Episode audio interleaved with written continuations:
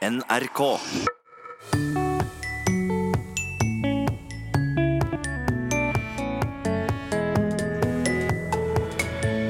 Et fenomen for kvinnestemmer har bredt seg de siste åra. Pust ut, så ikke du har noe særlig pust igjen. Og så sier du ah. Der er den. And it's vocal fry. Vocal fry, eller stemmeknirking, har det blitt et tegn på autoritet? For noen uker sia jakta vi på betydningen av et ord. Ballskabba. Ballskabba, hva betyr det? Tor Erik Gjenstad ble svar skyldig. Ja, det var ikke nok det. Men uh, det er heldigvis uh, kommet folk til unnsetning her. Ja, for vi har fått svar. Vel møtt til Språkteigen. Vi skal altså starte med et fenomen som dukket opp for flere år siden, og som vi òg har pratet om her i Språkteigen tidligere. Men som jeg allikevel får spørsmål om. Hva er denne knirkinga som mange damer driver med? Vocal fry, eller stemmeknirk. Det dukka blant annet opp hos stjerner som Paris Hilton og Kim Kardashian, og ble forbundet med et image som spiller på sex. Men så har det utvikla seg. So cute. Just kind of like my, you know, motto, you know, motto. Kim and Chloe just don't get it, get it, get it. And it's vocal fry. Har unge kvinner gått eh, tom for oksygen, spør den amerikanske journalisten Fate Saley i sin spalte i CBS News, hvor hun bl.a. spiller av knirkende klipp med superstjerner som Kim Kardashian. Pretty good reputation in this business. Business. Call it a quirk, a trend, or an epidemic. Vocal fry is everywhere. Og det fins nok av videoer på nett som gjør narr av den sexy knirkestemmen. Fenomenet har i USA ført til både frustrasjon og diskusjon i flere ulike program, og noen har hevdet at denne måten å snakke på kunne skade unge kvinners karrieremuligheter fordi de fremsto mindre kompetente. Ta, ta nå og pust ut, så ikke du har noe særlig pust igjen. Og så sier du ah. Der er den.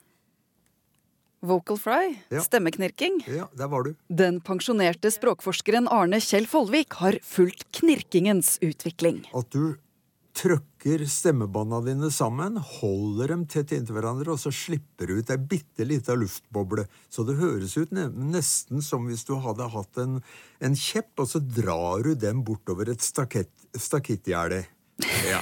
Ja, det var en god beskrivelse. Bra. Så, og, og noen er jo vanvittig gode til å lage knirkestemme, så du nesten kan høre hvert eneste slag av stemmeleppene. Han sier unge mennesker ubevisst etterligner andre unge mennesker de ser opp til, og at knirkestemmen da har spredt seg. Folk etterligner hverandre, ikke sant? Du er i et miljø, du er i et ungt miljø, og så er det noen som eh, som snakker på, på denne måten her, og så begynner du kanskje helt u ubevisst å også snakke på denne måten her. And that is vocal fry tones, especially heard. Mens vocal fry, eller knirkestemme, tradisjonelt har vært forbundet med et image som spiller på sex, har knirkingen endret betydning.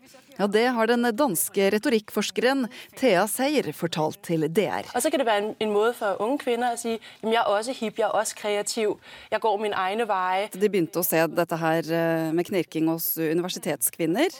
At det symboliserte mm, velutdannede og tilbakelente kvinner. Så da kan man på en måte symbolisere at eh, jeg er en som kan det jeg snakker om. Yes. um, you know, told me I was angry. And that was the first time I really experienced someone taking my voice. Og hvis eh, selveste tidligere førstedame Michelle Obama også knirker, da må det jo være et tegn på at eh, det symboliserer eh, Ja, blir sett på som noe positivt. Ja, en får jo håpe da at hun og ledende politikere at de har så mange gode rådgivere rundt seg at, at hvis, eh, hvis, dette, hvis en snakker på en måte som ikke er noe stemmesanker, at de kanskje da gir en et godt råd om at nå må du ta og legge om. Jeg legger jo eksempel merke til at vi har en finansminister som i løpet av en del år har lagt grunntona si veldig mye lavere enn det hun gjorde for for en god del år tilbake. Og hvis du som kvinne legger stemmen dypt, så er det jo da, da, og kanskje litt knirk også, da, da har du virkelig greie på saken. altså. Og jeg mener det har blitt veldig mye bedre de siste årene. Men så... Folvik sier det har blitt mer knirkestemme og større aksept for det. Nå lurer jeg på om ikke jeg, Når jeg hører på unge kvinner nå på radio og TV, um, for ikke å snakke om, uten å henge ut noen spesielle, vær, værmeteorologene på TV Når disse kvinnene kommer til slutt av setningen om åssen været blir, da har de nesten ikke noe luft igjen i lungene, og så da, da, går det på denne måten her. Pent vær, litt snø av og til, særlig de indre strøkene. Selv om vocal fry eller knirkestemme har vært mye diskutert i USA, har den knirkende stemmen gått litt under radaren her. Men det ser ikke ut som folk henger seg noe opp i det, vet du. Hvis, hvis folk hadde blitt så irritert over bruken av knirkestemme som folk blir over at unge mennesker nå, for eksempel kombinertløperen Riber, sier at det er kjipt å ikke få det til i skibakken. Dette at KJ-lyden forsvinner, det hisser jo folk seg enormt oppover. Og knirkestemme det er det ingen som bryr seg om, så den får nok lov å bre seg akkurat dit den vil. Ikke være en som så Ja, ikke vær så treg, da. Det sa til slutt pensjonert språkforsker Arne Kjell Follvik. Og reporter var Line Forsmo.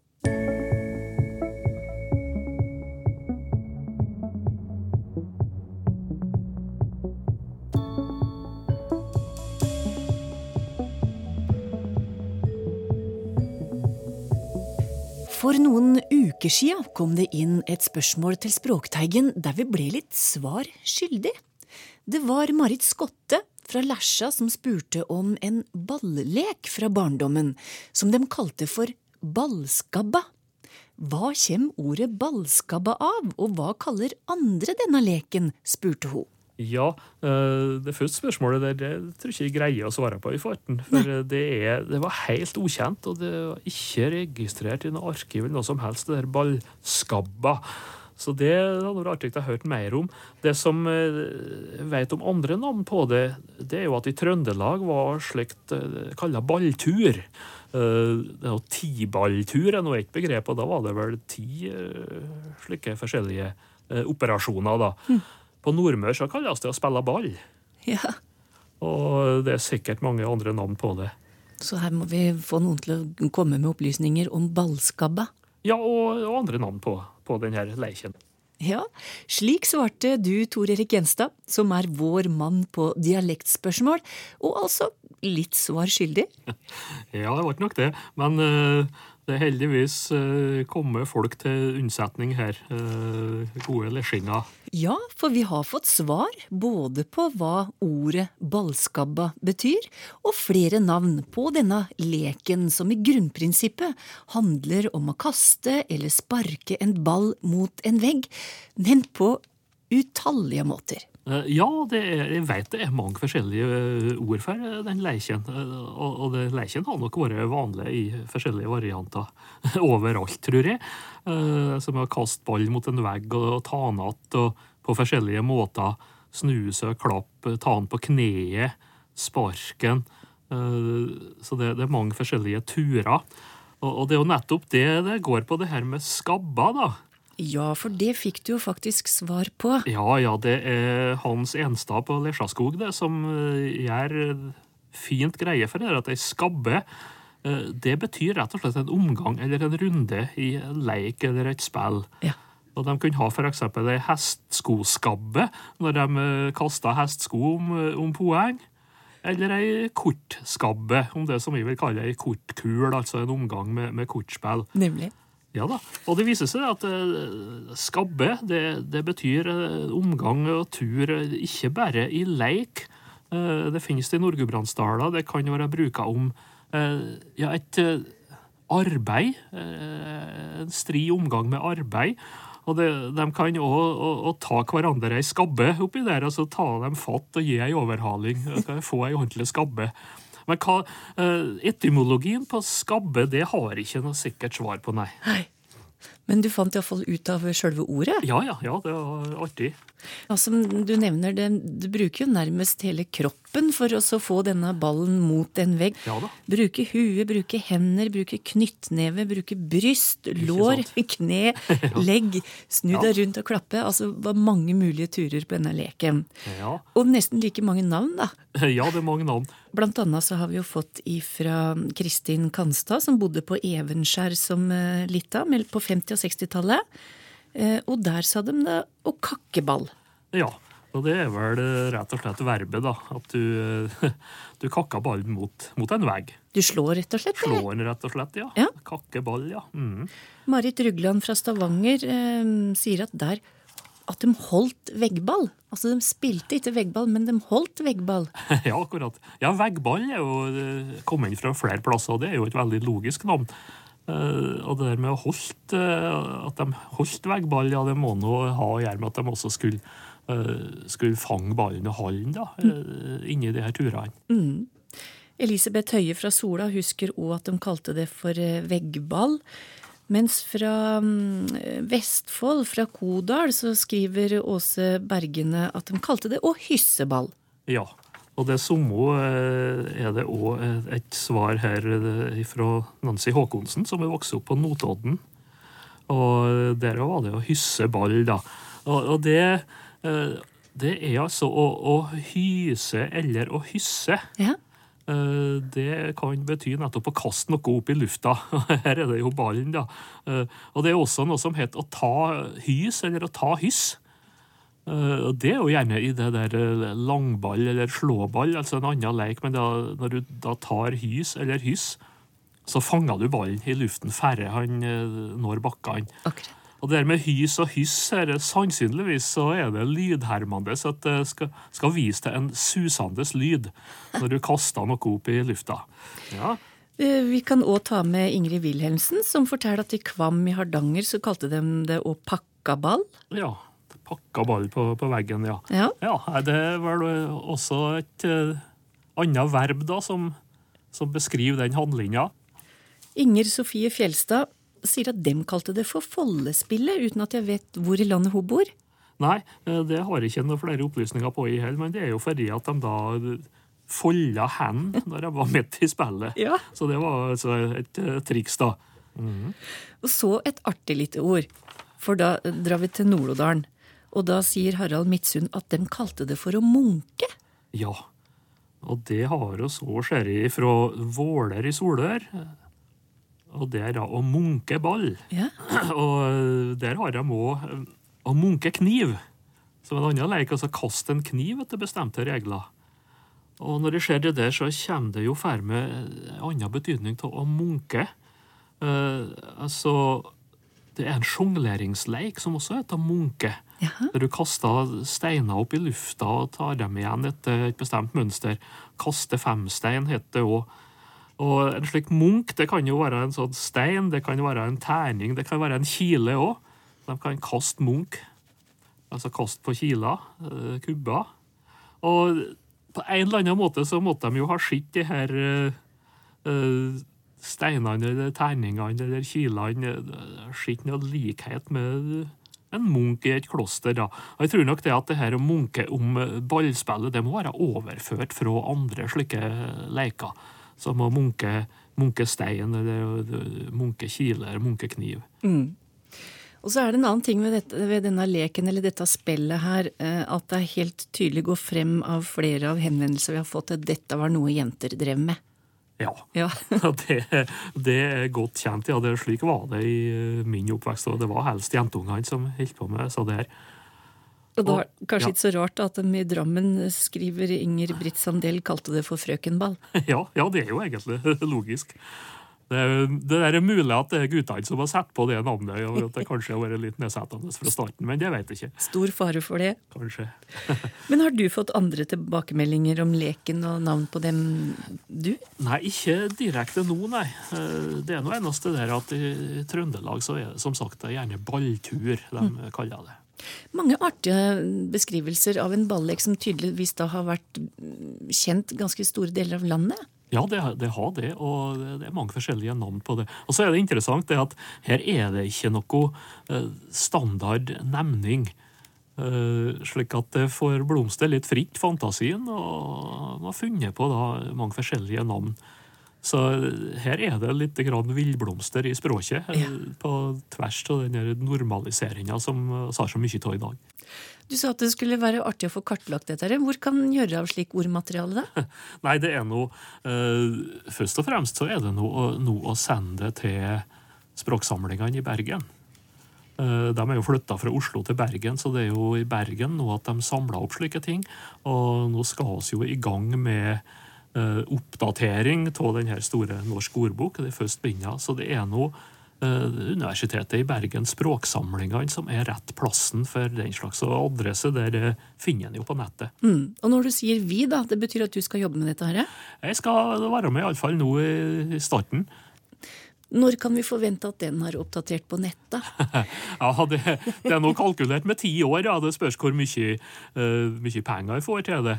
Uh, nå er, ligger det jo på nettet eh, alt ifra bokstaven I og utover. Ja. Eh, det, er- så det er jo de første eh, bokstavene. Og, der må en jo òg redigere på nytt og supplere, kan du si. For det begynte jo å komme eh, allerede på 50- og 60-tallet, så det er jo mye som har skjedd siden da, og mye nytt materiale. Så det må en jo prøve å arbeide inn. Ja, Fått litt nytt bare her, da. Ja, det har det. Absolutt. Takk til alle dere som sendte inn navn på dette spillet, og en ekstra takk til Marit Skotte, som sendte inn spørsmålet, og Hans Enstad for å opplyse oss om betydningen av sjølve ordet skabbe. Dere to får Språkteigens krus i posten. Og takk til deg òg, Tor Erik Gjenstad.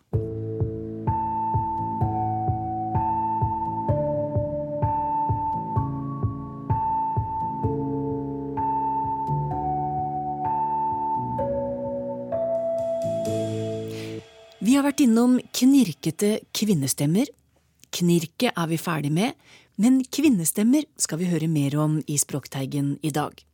Og da skal vi innom et tema som vi òg har vært innom tidligere, nemlig stemmestyrt teknologi. Vi må sørge for at norske ord blir digitalisert for å sikre at teknologien skal svare oss på norsk når vi spør. Og ordene som digitaliseres, leveres av både kvinnestemmer og mannsstemmer. Men hvorfor svarer teknologien oftest med kvinnestemmer da? Hei, Siri. Hva kan jeg gjøre for deg? Jo, du, jeg har et spørsmål. Jeg lurer egentlig på hva som er grunnen til at du heter Siri og er dame? Det er et ganske personlig spørsmål. Ja, det skjønner jeg. Men jeg må jo få lov til å spørre. Siri har mange subtile, metaforiske og ganske motsigende betydninger, og jeg kan dessverre ikke diskutere noen av dem med deg. Nei, Siri har ikke svaret her. Men det er jo interessant. Altså, digitale assistenter, stemmestyring. En fantastisk oppfinnelse. Siri vet mange ting. Istedenfor å skrive eller bruke hendene, kan vi altså snakke med en elektronisk enhet, på samme måte som vi ville ha snakka med en annen person, og få den til å gjøre akkurat det vi ønsker. Jeg kan dessverre ikke diskutere noen av dem med deg. Ja, de gangene det fungerer, da. Men hvorfor er det alltid ei dame som skal hjelpe oss? Nei, jeg vet ikke om det er en, eh, at en tenker at eh, damer er eh, mer behjelpelige. Jeg vet ikke, kanskje det. Vi er litt mer sånn serviceinnstilt. Kan være. Kvinner er liksom naturlige hjelpere på en, på en måte. Har du tenkt over det selv, at du syns det er rart?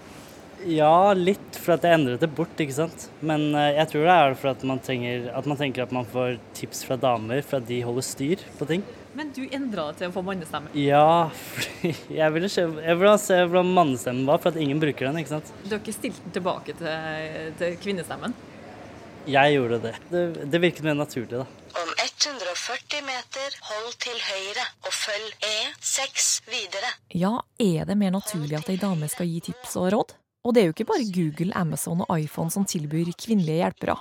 I fjor fikk vi møte verdens første robotborger. Ansiktsmimikk og utseende inspirert av Audrey Hepburn. Hello, Sofia. Good morning, Mrs. Prime Minister. Statsminister Erna var i alle fall imponert. And we are looking forward to see what you can do. Og i Trondheim har firmaet Stikos fått Norges første personalsjef med kunstig intelligens. Der står det 'snakk med Else', ja. Ja. Hei, jeg er Else, og jeg gleder meg til å jobbe sammen med deg. Og så kan du stille spørsmål da- der. Ja. Eh, For eksempel En liten chatboks dukker opp i høyre hjørne på PC-skjermen. dager har jeg igjen? Så får jeg svar. Du har 33 feriedager igjen. Du, det var veldig kjapt svar. Hun Else er rask, hun. Ja. Det er det. Raskere enn meg, tror jeg òg.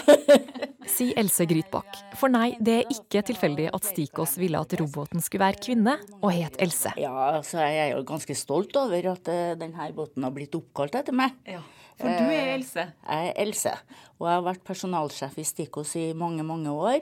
Og så ble jeg spurt da når denne ble begynt under utvikling, om det var greit å bruke navnet mitt.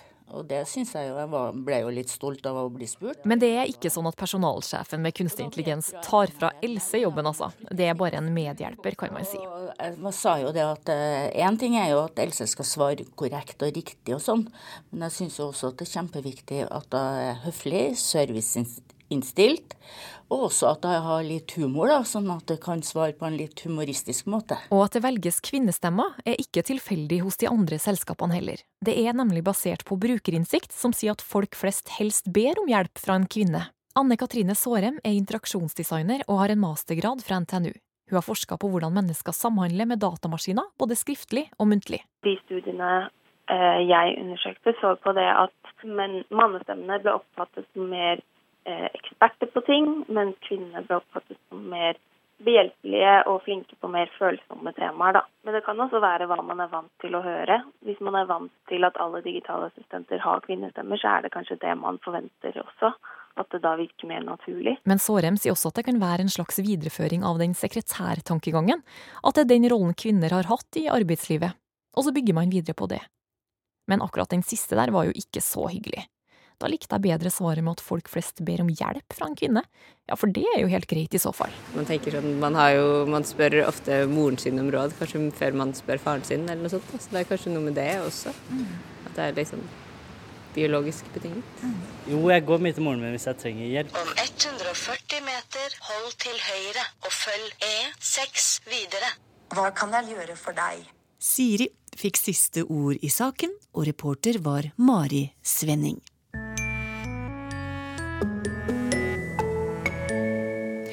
Vi gjør klar for lytterspørsmål, og Asbjørn Finnholt er først ut med å spørre hva betyr anker? Nærmere bestemt anker brukt på TV, i form av nyhetsanker og sportsanker. Han har merka seg at nyhetsopplesere blir omtalt som anker, men er de noe mer enn en journalist eller en reporter, spør han. Og Sylfe Slomheim, du gikk til ei som vi kjenner fra den rolla på Dagsrevyen, nemlig Ingvild Bryn, for å spørre om råd, og hun kjente seg ikke igjen i den betegnelsen. Hun sjøl vil jo aldri bruke anker om eh, den rolla hun spiller som journalist, og hun tror heller ikke andre i Dagsrevyen ville det. Hun vil kalle seg rett og slett programleder. Mm, for- Enten det er nyheter, debatter eller andre. Ja, for det er det vi snakker om her. Det er ikke en reporter eller en hvilken som helst journalist, men det er den som er på skjermen i ruta og som presenterer nyhetene. Nettopp. Mm. Eh, Så det, det er ikke korrekt bruk heller å bruke anker om en eh, journalist som er ute i felten, for å si det slik. Men, eh, men det som er interessant, er at egentlig så ønsker ikke NRK å bruke ordet anker, og Ingvild Bryn forteller at eh, det var VG og en del andre aviser som begynte å omtale de som står og formidler nyhetene til det norske folk, og omtaler de for anker. Og dette er nok eh, en ordbruk som vi har fra, fra engelsk. Ordet anker, eh, opphavet til det ordet er rett og slett å halde fast. Og det er jo derfor at um, et anker i en båt som blir kasta og går ned på bunnen, det held skipet fast. Mm. Og det er jo i og for seg ikke noe dårlig ord om den eh, rolla som en, en som er ansvarlig for å formidle nyhetene i NRK på fjernsyn. eh, Det er ikke noe galt å kalle den personen anker, men det som er interessant, er altså at NRK sjøl ikke bruker det formelt sett, og egentlig ikke er opptatt av å bli kalla det heller, de som står i den rolla. Å sable ned, hvor kommer det uttrykket fra? De som er litt eh, våpeninteressert, Ja. vil sikkert forstå straks at å sable ned som betyr å, å, å virkelig legge noen flatt, ødelegge, liksom, i det hele tatt. Det kommer av substantivet sabel, som jo er et sverd. Mm. Men å sable ned blir jo brukt om å meie ned og hogge ned og ødelegge all motstand, eller hva det måtte være. ja. Sjølve ordet sabel eh, har vi fra eh, tysk. Men eh, tysk har visstnok fått det fra ungarsk, der det henger sammen med et ungarsk ord for å skjære eller å hogge. Så det er den historiske bakgrunnen for ordet sabel. Men det er veldig lett å forstå uttrykket 'å sable ned'. Det er ikke pent når vi skjønner at det er sabel som ligger til grunn. Lidvar Saure har merket seg en pussig ting, og han spør kan noen forklare hvorfor vi prater i fortid når vi kommenterer et forhold som absolutt er i nåtid? Det var en fin genser du hadde. Eller nei, her var det koselig, sier vi. Mm -hmm. Hvorfor er det slik? Ja, det Dette er et artig spørsmål. Fordi eh, det er jo ikke fortid vi snakker om her, det er jo rett og slett nåtid. Eh, her var det koselig. Da er det jo den situasjonen vi er i akkurat der, som vi finner koselig. Og det som er språklig sett artig med dette, er at dette er typisk norsk og svensk bruk av fortid. Vi finner det ikke ute i Europa. Du kan jo tenke deg hva ei fransk dame ville synst hvis du sa det var en fin genser. Ça c'était en, une belle robe. Det var en fin kjole en gang men det er det ikke lenger. Nei.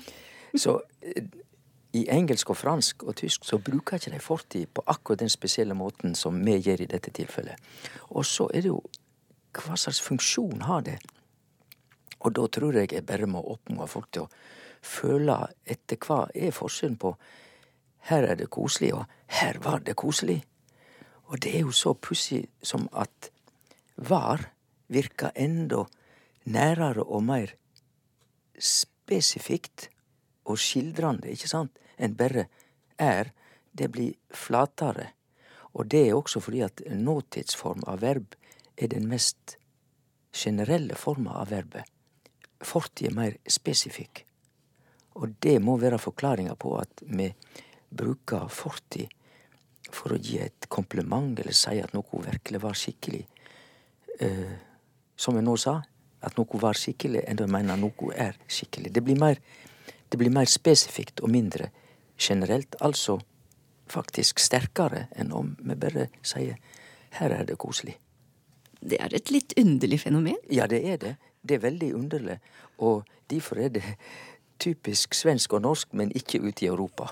For ute i Europa ville de aldri finne på å bruke verbet på den måten der. Takk til deg, Sylfest Lomheim. Har du et spørsmål eller noe annet på hjertet til Språkteigen, så send det til teigen krøllalfa nrk.no. Til deg som ikke alltid får med deg Språkteigen direkte på P2 søndag morgen, kanskje fordi du sover litt lenger, eller fordi det ikke passer seg av ymse årsaker, ja, så finner du Språkteigen òg som podkast som du kan abonnere på eller laste ned fra gang til gang. Dessuten så finner du oss alltid i nettspilleren som du finner på nrk.no. Uansett håper jeg at vi høres. Takk for i dag. Ha det bra.